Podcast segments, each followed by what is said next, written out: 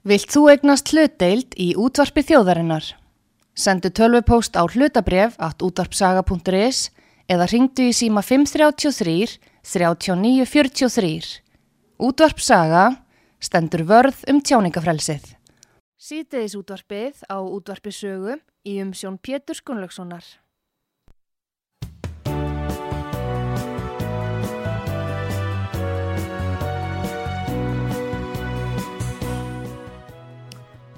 Góðir uh, hlustendur, þið er að hlusta á útvarpsögu, ég heiti Pétur Gunnlaugsson og gestur minni í þessum þætti er Viljámi Birgisson, uh, nýkjörinn formaður starfskreina sambands Íslands og formaður verkalýsfélags Akranis.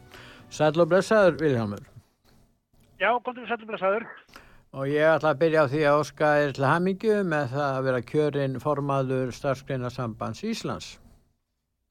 Já, takk einnilega fyrir það.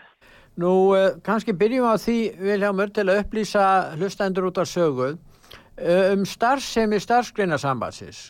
Hvernig starfar það og, og hvert er hlutverk þess? Já, þetta er góð spurning. Starfsgreinasamband Íslands er langstæðsta landsambandið innan Alþýðisambands Íslands. Það eru 72.000 félagsmenn sem að tilheyra starfsgreinasambandinu og þetta eru sem sagt félagsmenn 19 aðildarfélaga vitt og breytt um landið og þetta er verkafólk. Þetta er í raun og veru líka Pétur gamla verkamannasamband Íslands sem að var stopnað 1964 og ég held að flestir kannski muni eftir því þegar Guðmundur Jóð eða Gvendur Jaki, hann var sagt, formaður verkamannasambands Íslands til dæmis frá 1975 til 1992 og verkamannasambandið var eh, eitt af burðarstólpónum í, í íslenskri verkalýsi reyfingu hér á árum áður. Og uh, nafninu var breytt árið 2000 í starfskreina samband Íslands og þetta hefur þess að það hlutverk að vera í, í forsvari fyrir kjarasamningsgerð fyrir uh, verkafólk á íslensku vinnumarkaði. Já. Nú, uh, kjarasamningar eru, já, framöndan, getum ekki sagt það. Já, þeir Samlingar. eru lausir núna í oktober og, og þá, þá, þá þarf að semja um, um, um nýja kjærasamling. Sumir spyrja, er góð samstaða innan ASI? Það er einhverjar frettir sem er að berast að því að þarna eigi sér stað einhver innan hús átök. Hvað vilt þú segja um þetta, Viljóður? Jú, jú, það er alveg rétt að það eru átök innan verkalisreifingarinnar búin að vera núna um allanga hríð og við höfum unnið mjög þétt saman sterkur kjarni sem að samastendur af, af mér og Ragnari Þóri í, í Vaffer og, og síðan Solveig Önnu í, í Eblingu ásand Aðalstein á Húsavík og, og Herði Guðbransin í, í Grindavík. Já. Samanlagt eru við með uh, á bakvið okkur uh, kringum 60% af öllum Uh, við erum í forsvari fyrir 60% af öllum fulltrúum innan, innan Alþjóðisambast Íslands og það er ágrinningur um fórustuna innan Alþjóðisambastins. Það hefur ekkert farið fram hjá neinum sem hafa fylst með fjölmölum og það er svo sem engin nýlunda að það séu átökinn í verkeflisefingunni. Það hefur bara verið í gegnum árin og áratýjina tekist á um uh, stefnur og markmið og leiðir. Og verkalisering þar sem er bara allt e, djolli ef að þannig má orðið komast það er ekki góð verkalisering það er bara holt að takast á. Það er líðaðslegu réttur að, að menn takist á um, um stef, stefnur og, og, og markmið Nú, uh, fjármálur á þeirra hefur sendt frá sér núna fjármála áætlun fyrir árein frá já, 2023 til 2027. Uh, hvernig líst verkalýseifingunni á þessa fjármála áætlun uh, fjármálar á þeirra og ríkistjórnarinnar? Ég skal alveg fúslega viðkynna það. Ég hef ekki ríkt kannski nægilega vel í hana til að geta þjáð mig uh, með afgerandi hætti um hana en ég skal bara alveg uh, vera samt uh, reynskynni með það að mér finnst ástandi núna sem við erum að horfa upp á og er framundan bæði vegna þeirra miklu verbulgu sem við erum að horfa á núna, þar sem við erum að horfa upp á tæplega 7% verbulgu, þar sem að vextir er á uppleið og sem að leiðir til þess að ráðstöfuna tekjur heimila og launafólks er að dragast verulega saman vegna þessara kostnæðar hækkana að þá hefur mér fundist eh, stjórnvöld ekki taka nægilega mikið tillit til þess. Ég veit að í löndum sem við erum að bera okkur saman við hafa uh, stjórnvöld eins og til dæmis í Svíþjóð og Frekland Danmarku tekið þá, teki þá í hérna stefnu að draga úr álögum til dæmis á þeim kostnæðarhækkunum sem hafa orðið á bensíni og öðru slíku Já. Það hefur ekki verið gert hér. Nei. Þannig að, að það eru mjög erfiðir tímar framöndan. Ég held að þurfum ekki að fara neitt í grafgötu með það. Við erum að ganga núna í, í gegnum og erum að klára núna þetta COVID tímabild, tveggja ára tímabild þar sem að við þurftum að horfa upp á verulegar kostnæðarhækkanis eh, vegna e, hækkunar á, ráðuruverði og, og flutningskostnaðar sem hefur verið að byrstast núna í hækkun á vöruverði. Og síðan eru náttúrulega átöki núna út í Evrópu sem að munu e, íkja þetta ástand ennfrekar þannig að það liggur alveg fyrir að almenningur og fyrirtæki munu þurfa að horfa fram á umtalsverða innflutta verbulgu núna á næstu missurum. Nú viðbröð stjórnmánamanna og ríkistjórnarinnar virðist vera við, viðbröðum virðist vera þau að það sé lítið hægt að gera. Nú hafa sumir benda og það veri hægt að taka húsnæðisverðið úr vísitölunni, það veri hægt að fresta hækkunum á verðtöðum lánum meðan þetta stendur yfir og, og einsar aðgerir sem hún bendur á til dæmis frá Svíþjóð og annað hvað finnst þér, eh, þarf verkalýsreifingin að beita þýstingi til þess að uh, fá stjórnmálamennina til þess að, að hérna, fara út í aðgerðir sem að gæti skilað árangri í baráttunni gegn verbulgunni? Já, ég held að það líki alveg fyrir að verkalýsreifingi getur tengt vega miklu hlutverki í því að reyna að koma vitunum fyrir stjórnvöld á hverjum tíma fyrir sig við þær aðstæður sem að við erum núna að uh, horfa upp á.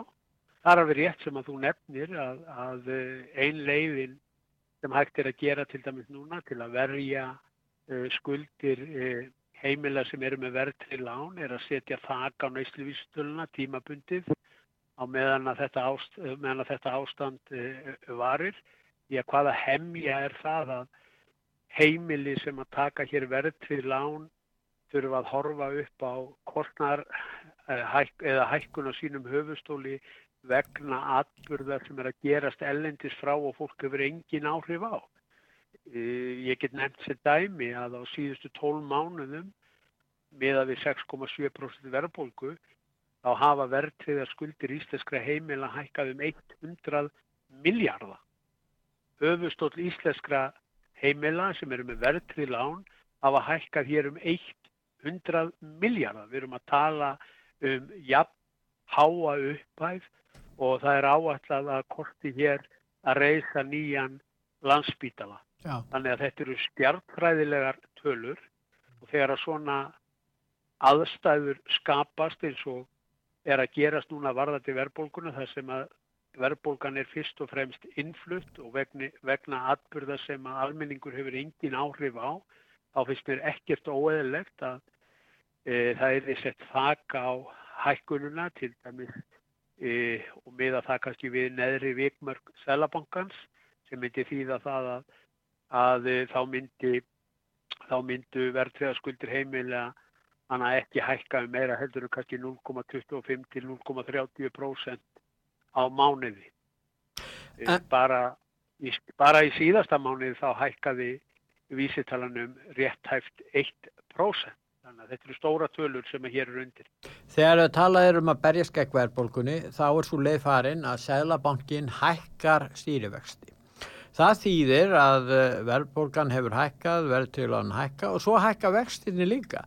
Þannig að eh, baráttan í raun og veru gegn verðbólgunni uh, hérna lendir á fólki sem hefur bara ekkert efna á að borga hæri vexti af lánum. Þannig að þetta er sagt til þess að draga úr eftirspurn eftir fastegnum eða komið vekk fyrir hækkanir en reynslan hefur sínt núna að þetta hefur ekki gerst svo að, að við sitjum uppi með herri vexti skuldararnir sem að, þurfa að greiða herri vexti og svo náttúrulega að verðtöðu lánunum út af verðbólgunni, herri, herri uppæðir í það. Þannig að það er eins og að þessi hópu lendi alltaf í þessari vondu stöðu. Þetta er bara rétt hjá þér og við getum bara tekið sem dæmi líka. Það er ekki bara heimilin og launafólk sem að finna fyrir byrðum af hækkandi vöxtum því að það likur fyrir samkvæmt hagstofinu þá skulduðu íslensk fyrirtæki á hennum almenna vinnumarkaði í kringum 5.000 miljardar sem að týðir það að ef að vextir eru hækkar um 1% að þá hefur það kostnæðar auka fyrir fyrirtækin sem að nefnur 50 50 miljörðum króna á ári. Sem rennur út í bara... ver, hækkarverðlægið, þannig að þannig er enneitt pósturinn sem menn þurfa að borga fyrir. Algjörlega, því að fyrirtækinn ger ekkit annað heldur en að setja þetta bara út í vöruverðið eða út í þjónustu gjöldin og, og svo kolla kolli og að endanum er það síðan alltaf neytutur sem þurfa að borga þetta. Þess vegna hef ég líka spurt mig að því betur mm. að þegar að Þellabonkin er að hækka hér stýrivexti og er að e, tilur sig að hér fyrir að draga úr verbulgu með, með slíkum aðgerðum og, og það kostar 1% 50 miljardar fyrir fyrirtækinn og það er allt í lægi segir Sælabankin en það kostar að ganga frá kjærasamningum á hinnum almenna vinnumarkaði eitthvað stærri kring 50 miljardar líka. En Sælabankin segir að, að, að slíkt muni valda hér óðaverbulgu og, og, og annari óáran en, en samt hækkar hann álugur á fyrirtæki með því að hækka vexti eins og ég var að nefna á hann. Þannig að þetta, það fer ekki saman hljóð og mynd þarna. Já, endanum er þetta alltaf neytundur sem að þurfa að standa ströym að auknu kostnæður auka fyrirtækja. Nú höfum við, eh, já, svona blanda hækkerfi og við viljum hafa, flestir vilja hafa frjálst markashækkerfi til þess að auka framlegslugetuna, en það er bara eins og þessir hópar sem ég var að tellja um á, áðan, njóti ekkert góðs af uppgangi í, hækkerfinu núna. Eh, ekki, við erum að sjá það þegar það þrengir að, við þurfum ekki að fara, við getum farið til ársins 2008 Vilhelmur, við veitum hvað gerist þá og hverjir báru hitt á þungan af, af hérna fallinu, falli íslenska gerfusins. Já. Ég menna við veistu það, þetta er, akkur höfum við ekki einhverja pólitíska hugsun sem kemur í veg fyrir það þannig að byggir á því að, að allar, allir, allar stjættir njóti góðs af uppgangi e, frjálsmarkaðas og frjálsakkerfisins e, og, og jafnvel að menn eru varðir því að núna í fyrra við sáum það og í COVID þá kom ríkistjórnum til og hjálpaði ákveðinu fyrirtækjum sem höfðu skilað hérna arði til eiganda sinna upp á miljarda, miljarda aftur og aftur. Og svo þegar það var smá vandi hjá þeim og þá var bara ríkisjóður galopin og það rann úr honum til þessar aðila þá þótti eðlert að bjarga þessum hópum. Þá sögum menn við verum að bjarga frálsa markasækkerfunu með því að styðja þessa hópa. En það var ekkit verið að fjálpa hérna, fólki litlum fyrirtækjum með hvað þá uh, hérna, uh, launþegum yfir leitt. Þannig við sjáum þetta aftur og aftur. Þetta er ekki bara einhvers konar kvörtun frá ákveðnum aðlum eins og byrtist hér á útvarpi sögu frá hlustendum. Þetta er raunveruleikir sem við búum við, Viljámur. Já, þetta er einfallega þannig að, þegar að COVID skellur á þá munum við öll þar sem að var bóða til hvers fundarins á fætur, fætur öðrum þar sem að var vel að kynna hennar margvíslu aðgerðapakka til hjálpar uh, fyrirtækjum og það er alveg rétt. Það voru fyrirtæki þarna sem að höfðu verið að greiða sér út miljarda, miljardi argreifslur á sama tíma og þau þáðu greiðslur úr hendi skattgreðanda. Eh, bæði til að borga uppsagnarfresti og annað slíkt og það voru engin skilirði sett fyrir slíkum greiðslum uh, til að tryggja það að fyrirtæki myndu ekki uh, halda áfram að greiða sér út arfi eftir að hafa þegi slíka greiðslur frá, frá, frá skattgreindum. Engar skerðingar þar, Viljamur? Engar skerðingar þar? Engar skerðingar þar. Nei. Mér finnst vanta svona aðgerðapakka núna gagvart heimilum og launafólki yfir því ástandinu sem að nú ríkir akkurat varandi verbulguna og varandi allar þessar kostnarhækkanir sem er að dinja núna á almenningi. Ég skil ekki til stjórnvöldum að sprett ekki fram núna og bóða til fundar og kynna einhverjar, einhverjar, einhverjar neyðar hemla handa, handa heimilum. Við getum bara hort á leyendur, við getum bara hort á leyendur bara sem dæmi að, le, að leiandi sem er að leia 250 skrúnur í dag 6,7% af verbulga þýðir 17.000 krónar hækkun á leiguverði á 12 mánuða tímabili og til að ná 17.000 krónar hækkun þá þarftu upp undir 30 krónar launahækkun. Og, og þá áttu allt hitt eftir sem að hefur hækkað og það er þetta sem við í verkefæliseyfingunni stöndum núna frammi fyrir að ef að þessir aðilar átta sig ekki á því að til að við getum varið okkar fólk sem er fólkið í öllum þessu kostnarækunum þá höfum við ekki nema eina leið og það er að sækja á aturreikundur.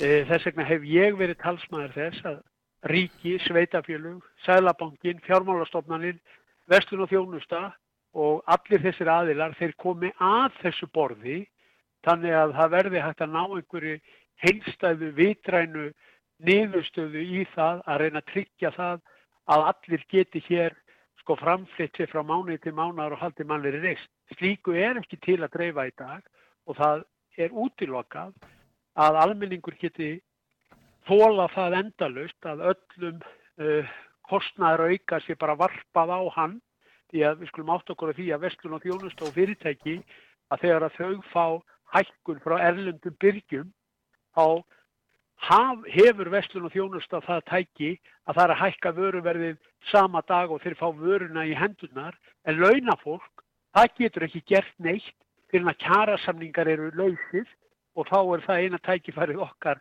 að bæta hag þessa fólks með því að krefja herri launabreitinga. En uh, það er sambandi við uppbygginguna, nú við rættum á hann um, um ASI og verkalýsseifinguna, en uh, varðandi samtöku atvinnulífsins, nú eru þeir náttúrulega, skipti verulegu máli hvernig, uh, hvernig samtök það eru. Og nú hefur komið fram, komið fram hugmyndur, ekki bara hugmyndir, það er búið að stopna hérna, samtök uh, lítill á meðalstóra fyrirtækja. Og ég verða að játa það, ég veit ekki hvernig staðan er í þeim málum, hvort að þeir ætla að fara fram en það virðist vera þannig og mér langar að spyrja það því Viljámið, þegar að verður að semja þá er það stóru fyrirtækin í samtökum atvinnulífsins, það eru stóru fyrirtækin, fákjöfnisfyrirtækin jafnvel, fyrirtækin sem að fá aðgangað sjá auðlindum á þess að greiða mjög mikið fyrir það. Þessir hópar stýra þessu samtökum og uh, þarna er verið að semja á þeirra forsendum í raun og veru. Uh, gefur þetta ekki ranga mynd af atvinnulífin á Íslandi að, að eins og samtök atvinnulífsins eru samansett uh, í sambandi við samninga við ykkur í verkalýssefingu? Jú, ég held að það er svona, svona sannleikskortni til í þessu eins og þú lýsir þessu að, að stóru blokkirnar innan samtaka aturlýsis eru náttúrulega þeir sem að fara með mesta vægið e, þar innandira og þeir ráða tóltið mikið um þær stefnur og þau markmið sem að þar eru og auðvitað eru minni svona, og, og millistór fyrirtæki ekki í sömu stöðu og stór fyrirtækin. Við skulum ekki gleyma því að það er áætlað á þessu ári betur að argreifslu til eigenda og fjárfesta e, fyrirtækja nefnu upp undir 200 miljardum á þessu ári og um, stór hluti af þeim argreifslum er að renna til þessara stórfyrirtækja stæðst, stæðstu aðilana innan samtaka aturlífis en, en, en, en milli stórfyrirtæki er í meiri, meiri vandraðum og síðan eru aturnugreinandar mjög mismunandi hvað, hvað getur til launabreitinga varðar. Ég held að sé engum vafa undirorpið að ferðarþjónustan sem að hefur þurft að og, og veitingagerinn sem að hefur þurft að sæta hér miklum takmörkunum í tvö ár að þar eru menn að svona eh, að, að, að reyna að fara að byggja sig upp aftur með, með, með hækkandi sólu ef að þannig má orðið komast og, og, og fjölgun, fjölgun ferðamanna en, en það eru mörg fyrirtæki innan þessara vébanda sem eru verulega löskuð eftir, eftir, eftir, eftir, eftir eh, COVID-faraldurinn.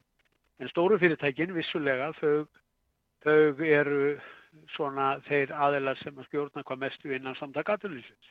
En hagsmunundir er ekki þeir sömu. Það er allt annað að regga lítið að meðalstort fyrirtæki eða vera með þessi stóru fyrirtæki sem er í góðum tengslum við stjórnmálamenn samanber það sem við töluðum áðan um styrki þegar á COVID-tímabilinu. Við sjáum alveg greinilega hvern, hvernig Íslandi er stjórnað. Þessi stjórnað af stjórnmálastjættinni sem hefur bein samskipti við einmitt uh, fórustumennina í samtökum atvinnlýsins og þeirra aðra sem eru sterkast í þar eins og myndist á. Það gert ráð fyrir alltaf 200 miljardar arði til þessari fyrirtæki sem er, sem er alveg ótrúlega há uppæð.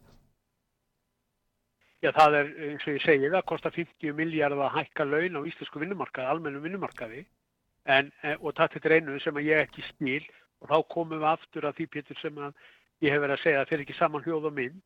E, þegar, að, þegar að þessi tilkynning kemur um að, að eigundur eh, íslenskara fyrirtækja fjárfesta í vona á 200 miljóðum í argreifslur að þá skrifar hér visskjötablaðið um það að þetta sé eins og vítaminsbrauta fyrir eigundur og fjárfesta e, íslenskara fyrirtækja.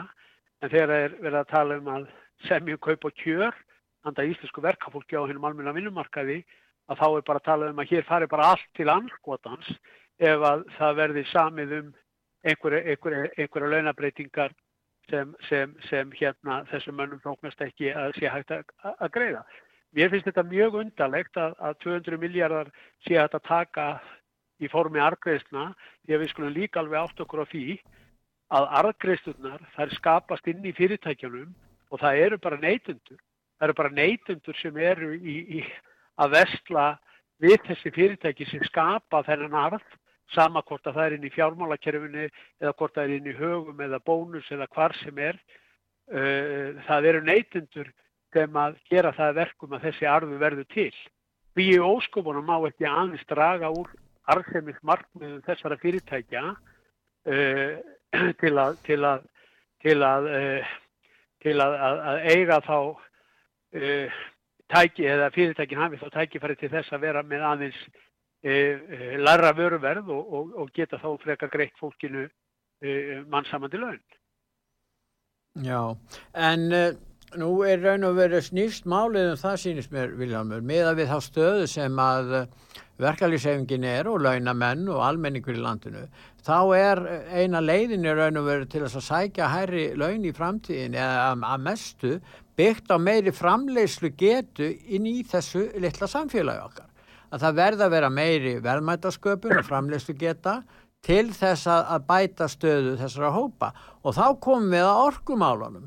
Nú er það svo að sumir sjá auðvitað geysilega mjög tækifæri í, sem tengjast orkunni og orkuframleyslunni hér hjá okkur og ferðarþjónustunar og þar geta ímis fyrirtæki komið að. En svo eru aðrir sem að af einsum ástæðum vilja ekki halda áfram að framleiða meiri orku sem er græn orka og hérna og reynlega segja að við séum búin að framlega alveg næga orku og gera ráð fyrir því að hægt sé að svifta eða rifta þessum samningum við stóriðju fyrirtæki smán saman þannig að vegna þess að við fáum svo látt verð fyrir að selja rávorkuna þanga. Þetta er umræða sem er farin að stað og hún er komin í ákveðin farveg og það er ákveðin aðra sem stjórn á þessar umræði. Hvað vilt þú segja um þetta? Þetta er Þetta er bara einfallega þannig að öll samfélög vitt og breytt um heiminn þau byggja á því sem að þú nefnir réttilega að framleiða. Það er að skapa gjalderistekjur til þess að geta síðan staðið undir þeirri velferð sem hver þjóð vil, vil standa undir. Og til að geta staðið undir góðri velferð, vera með góða innviði, þá þurfum við að vera með upplugar útlutningsgreinar sem skapa alvöru gjalduristekjur fyrir þjóðina. Og það eru uh, þessar þrjár megin stóðir sem eru hjá okkur. Það er ferðarþjónustan sem að reyndar lendi í þessum áföllum sem við þekkjum. Já. Það er sjávaróturinn og það er stóriðjan. Það hefur gert til dæmis núna með stóriðina. Það sem að gerðist með stóriðina var það að með hækkandi afurðaverðum á, á, á, á áli og, og, og hérna kísiljátni þá jökust tekjur landsvirkjuna svo rosalega vegna þess að þetta er teilt við verðin að, að, að landsvirkjun er að greiða 15 miljardar í argreifstur til íslenska, eh, íslensku þjóðarinnar. Já. Og þessa, þessar argreifstur mun ekki gera neitt annað á komandi árum heldur en að aukast. Við erum með trygga, góða kaupundur að orkunni og við höfum að framleiða meira. Við höfum að, við höfum að virkja meira. Það eru allar þjóðir út um allan heim sem öskra á það að geta nýtt hér vistvæna græna orku. Á sama tíma eru við Íslitingar sem erum í þessari sko, forréttindastöðu að vera hér með fullt af góðum uh, virkjanakostum í gegnum rammaálluna hjá okkur en við höfum ekki sitt í. Við getum uh, skapað hér enn fleiri græn öflug störf, við getum skapað miklu meiri útflingstekjur fyrir íslenska þjóð með því að nýta þessa orgu og við erum í algjöru forriðnindastöðu hvað þetta varðar. Og meðan aðra þjóðir, meðan aðra þjóðir eru háðar hér gasi og kólum og öðru klíku, nei, þá eru við hér með 98% af okkar orgu sem er hrein, græn, íslensk orka. Við erum, við, við, við erum öfunnsverð, það er alla þjóðir sem öfund okkur yfir þessari stöðu. En við höfum að halda áfram að nýta þetta. Aðra þjóðir eru kannski með, þú veist að tala um þetta, 85, 90, 90%, þetta er svona geysilega stór hluti af okkur orku, þetta er græn orka, en aðra þjóðir eru með þetta 15, kannski 20% græn orku. Já, og þetta er, fólki, og þetta er fólki sem hefur valdið þessari mengun og þessu vanda sem að heiti lofslagsvá við berum ekkert á, ábyrð á lofslagsvá heimsins. hefum aldrei en af hverju tala stjórnmálamenn eins og þetta sé okkar hérna, við eigum að fylla sektarvitund yfir þessu og svo nota er þetta til að segja nei við eigum ekki, að framleiða meira ramagn sem þýðir bara að lífskjör launafólks á Íslandi mun ekkert batna næstu ár og ára tíu ef þeir fara þessa leið. Algjörlega, algjörlega hárið og það er því að nánast öll hús hitun á Íslandi við, við, við, við kynntum með heitu vatni, við vikstvennu heitu vatni. Já allar þjóðir, Þískaland og annað, þetta er allt kyrta áfram með, með gasi. Já. Þannig að sko við, við, við erum að vera að tala um að við séum hér einhverjir umhverjusóðarinnan gæsalapa er algjörlega fráleitt á miða við okkar framlag sem við erum að leggja fram með þessari grænu ork okkar.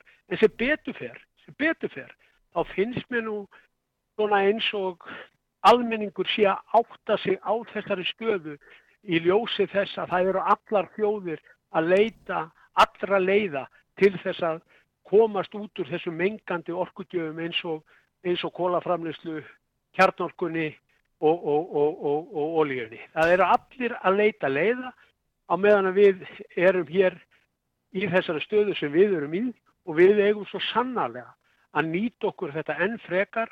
Við eigum að vera frumböðlar í því að ráðast í þessu orkuskipti bæði til sjós og, og, lands ef að þannig má orði komast en til þess þá þurfum við að virkja meira og við en, eigum að gera það. En, en, en ef það fer þannig að, að það verður ekki, ekki hérna, meiri orkuframlegslega, hún verður mjög lítil viðbót og jáfnframt göngum við inn í orkukerfi Evrópu þar sem verða á orkun er kannski fimm sinnum meira heldur en hér jafnvel framlegslu verðið og það er það nýðu greitt, þá eru skattbeðandra greiða það líka, alveg saman hvernig litið er á það.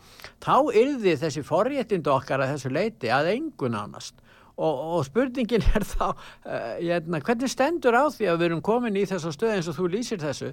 Uh, við erum í þessari forréttindastöðu. Eigum að standa upp og varpa frá okkur þessum uh, forréttindum og fyllast einhverju sektarkendi yfir, yfir því að, að við stöndum þó í sæmila góðum álum auk þessum að, að framlegslan held að framlegslegs í litlu landi skiptir náttúrulega engum áli í stóra samhenginu upp á það að valda skada á, á umhverfunum Já, bara, já, ég, ég tek bara undir það, við getum líka bara, við langar að spyrja umhverfið sinnanlega þegar við standa hér ofta á öllum torkum yfir, yfir hérna umhverfið svanni.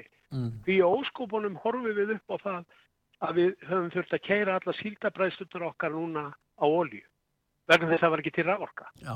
Uh, hvernig stendur á því að vestfyrringarnir þurft að keira hér uh, sko díselstöðarnar áfram vegna þess að því að tengilínurnar inn, inn á vestfyrðina er ekki nægilega góðar og það vantar meiri orkuðar. Sko, hvað er að? E ef þú ert raunverulegur, raunverulegur umhverfisinni, þá hlýtur að segja, hefur virkjum til að losa okkur við það að fyrir að keira hér síldabræstunur áfram með olju, tryggjum vesturringum alvöru raforku þannig að þeir þurfu ekki að keira dísilstöðarna sínar áfram, tryggjum það þegar að uh, uh, skemmtifæraskipin koma að hingað, þannig að þeir geti drepið á ljósavélunum og við stingum bara í land með landhengingu, en til þess að geta gert þetta, þá þurfum við að virkja meira. Og, og, og ef þú ert raunverulegur umhverfið sinni, þá hlýtur að segja, herru við þurfum að skapa og retta orku í þetta núna. Og ég, ég skil ekki þessa umræðu því að menn loka bara báðum augunum yfir þessu blákuldu starrendum, yfir þessu þremur dæmu sem ég nefndi hérna, en þau eru bara miklu, miklu fleiri heldur en þetta. Já, en, en sko það er eins og menn telji að við séum að valda miklum skada á hérna í umhverfi okkar og í lofstafsmálum og, og, og þetta er sko þetta er svolítið sérkennlegt að þetta við þróast með þessum hætti en við verðum bara að horfast í augu við það að umræðin hefur verið þannig og ekki nóg með það.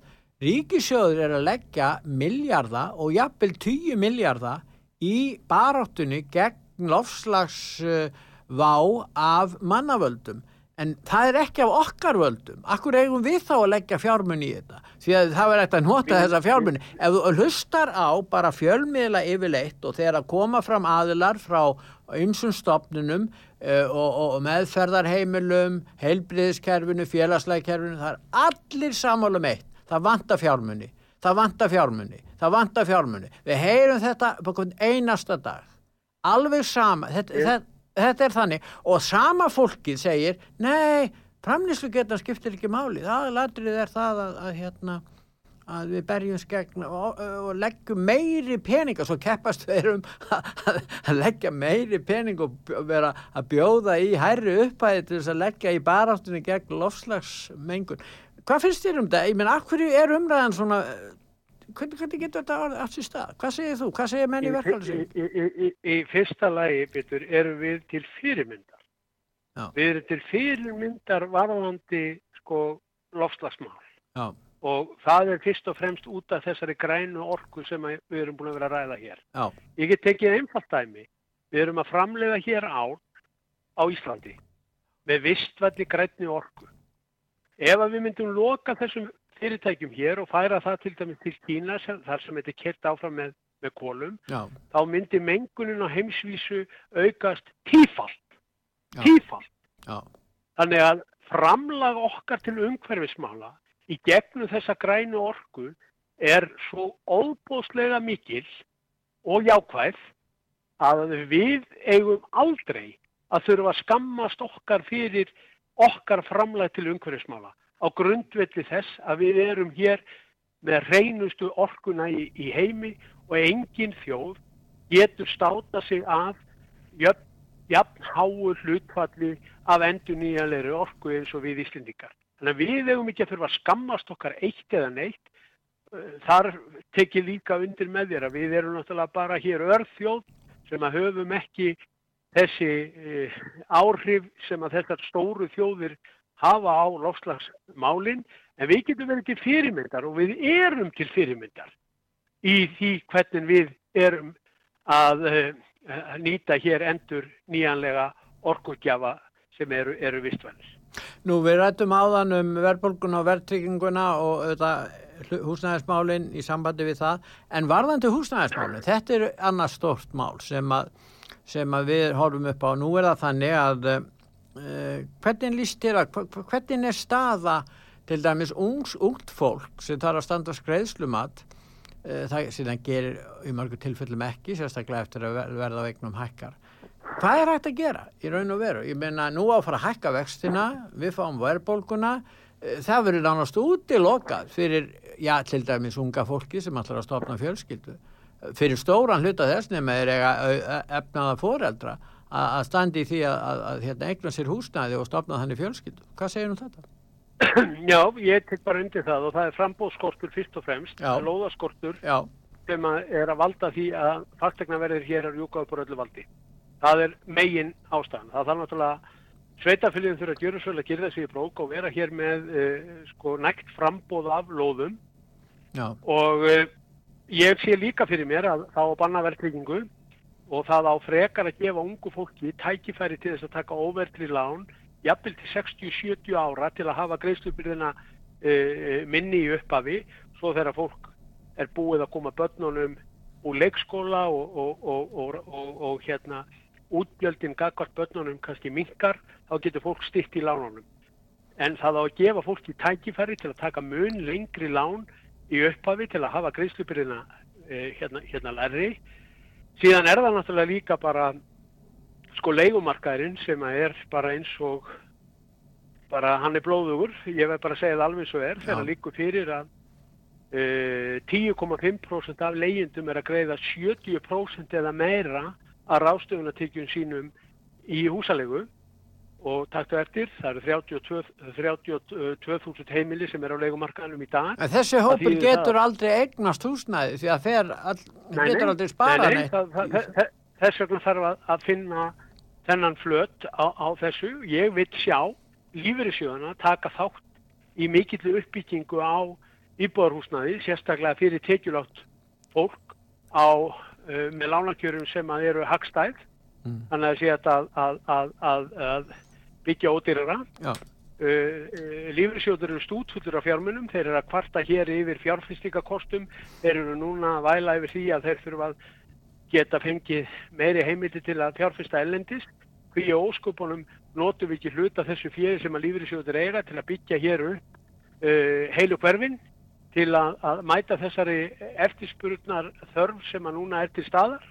Þessi fjármunir eru til og, og við höfum að nota lífeyrissjóðuna í það. Það er engin að tala um það að lífeyrissjóðunum sé að fara að gefa eitt eða neitt vegna þess að fjárfesting í íbúðarhúsnaði er einn tryggasta fjárfesting sem að fólk tekur þátt í. já, Þannig að, að það er engin að byggja lífeyrissjóðunum um að gefa nokkuð skapaðan hlut en þarna getur þeir tekið þátt í samfélagslegu verkefni sem að er í því að reyna að mæta þessari, þessari frambós skorti sem að er núna á húsnæðismarkanum. Þannig að þetta er eitt af stóru verkefnunum sem að býð okkar. Þetta var reyndar sama verkefni og menn töluðu um árið 2019 þegar við vorum í lífskjærasamningu, þá Ja. töluðu menn um að, að, að, að það þurfti að grípa til róttakra aðgerða. Það gerist bara aldrei neitt pétur. nei, Það er það sem að mér finnst vera aðalakkið þessara hættin í þessu. Það er oft talað, það eru skipaða nefndir en það verða engar nefndir. en er ekki líka lóðaverðið allt og hátt? Ég hef tölur um það hér áður fyrir gamla daga þegar að menn voru hér að byggja sjálfur, þeir voru nú að vinna í þessu sjálfur og, og, og þá var lóðaverðin 4% af heldarkostnaðin.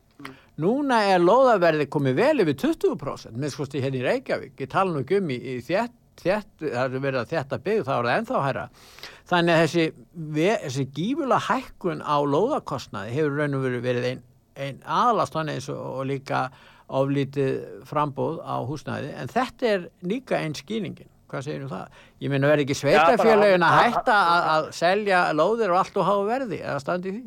Ég bara, jú, bara tökum einfalt dæmi að, að ef þú ætlar að reysa 100 fermetra hús Já, að þá kostar áður en þú byrjar, áður en, áður en, áður en þú nærið skobluna, þá, þá er kostnæri komin upp í 10 miljónir á 100 fermetra húsi. Það er um eða yfir 100.000 krónur á per fermetir áður en þú stingur niður skoblu. já, Það er bara 10 miljónir bara komnar áður en þú byrjaður bara í lóðagjald. Og, og þetta er náttúrulega sko algjörlega fráleitur kostnaður sem að er af hálfu sveitafélagin og sveitafélagin verða bara að gjöra svo vel að líta sér nær hvað þetta varðar og reyna að lækka e, lóðaverðið þannig að, að, að, að það myndi síðan leiða til þess að, að, að það er því ódýrara að byggja. Þú myndist á hann á lífyrirsjóðuna, nú var hann Helgi Gói lagt áherslu á það að lífyrirsjóðin kæma uppbyggingu hjúknarheimila og þetta er því bara ekki dýrt fyrir lífyrirsjóðuna og góð fjárfesting, þeir myndu bara leia ríkinu þarna fasteignir og, og eins og þú sagðir, þetta er góð fjárfesting. Hvernig líst þér á þessar hugmyndi? Nú er það ekki sjálfsagt heimilt sangat núgerindandi reglum um hvernig má fjárfesta í lífeyrissjónu, það er þetta að breyta þeim reglum. En er það ekki eðlilegt að eldri borgarar sem hafa byggt upp þessa lífeyrissjóði að, að þeir fái þarna eigi möguleika á því að, að lífeyrissjóðunni fjármagni eh, hjúgrunarheimili og elliheimili?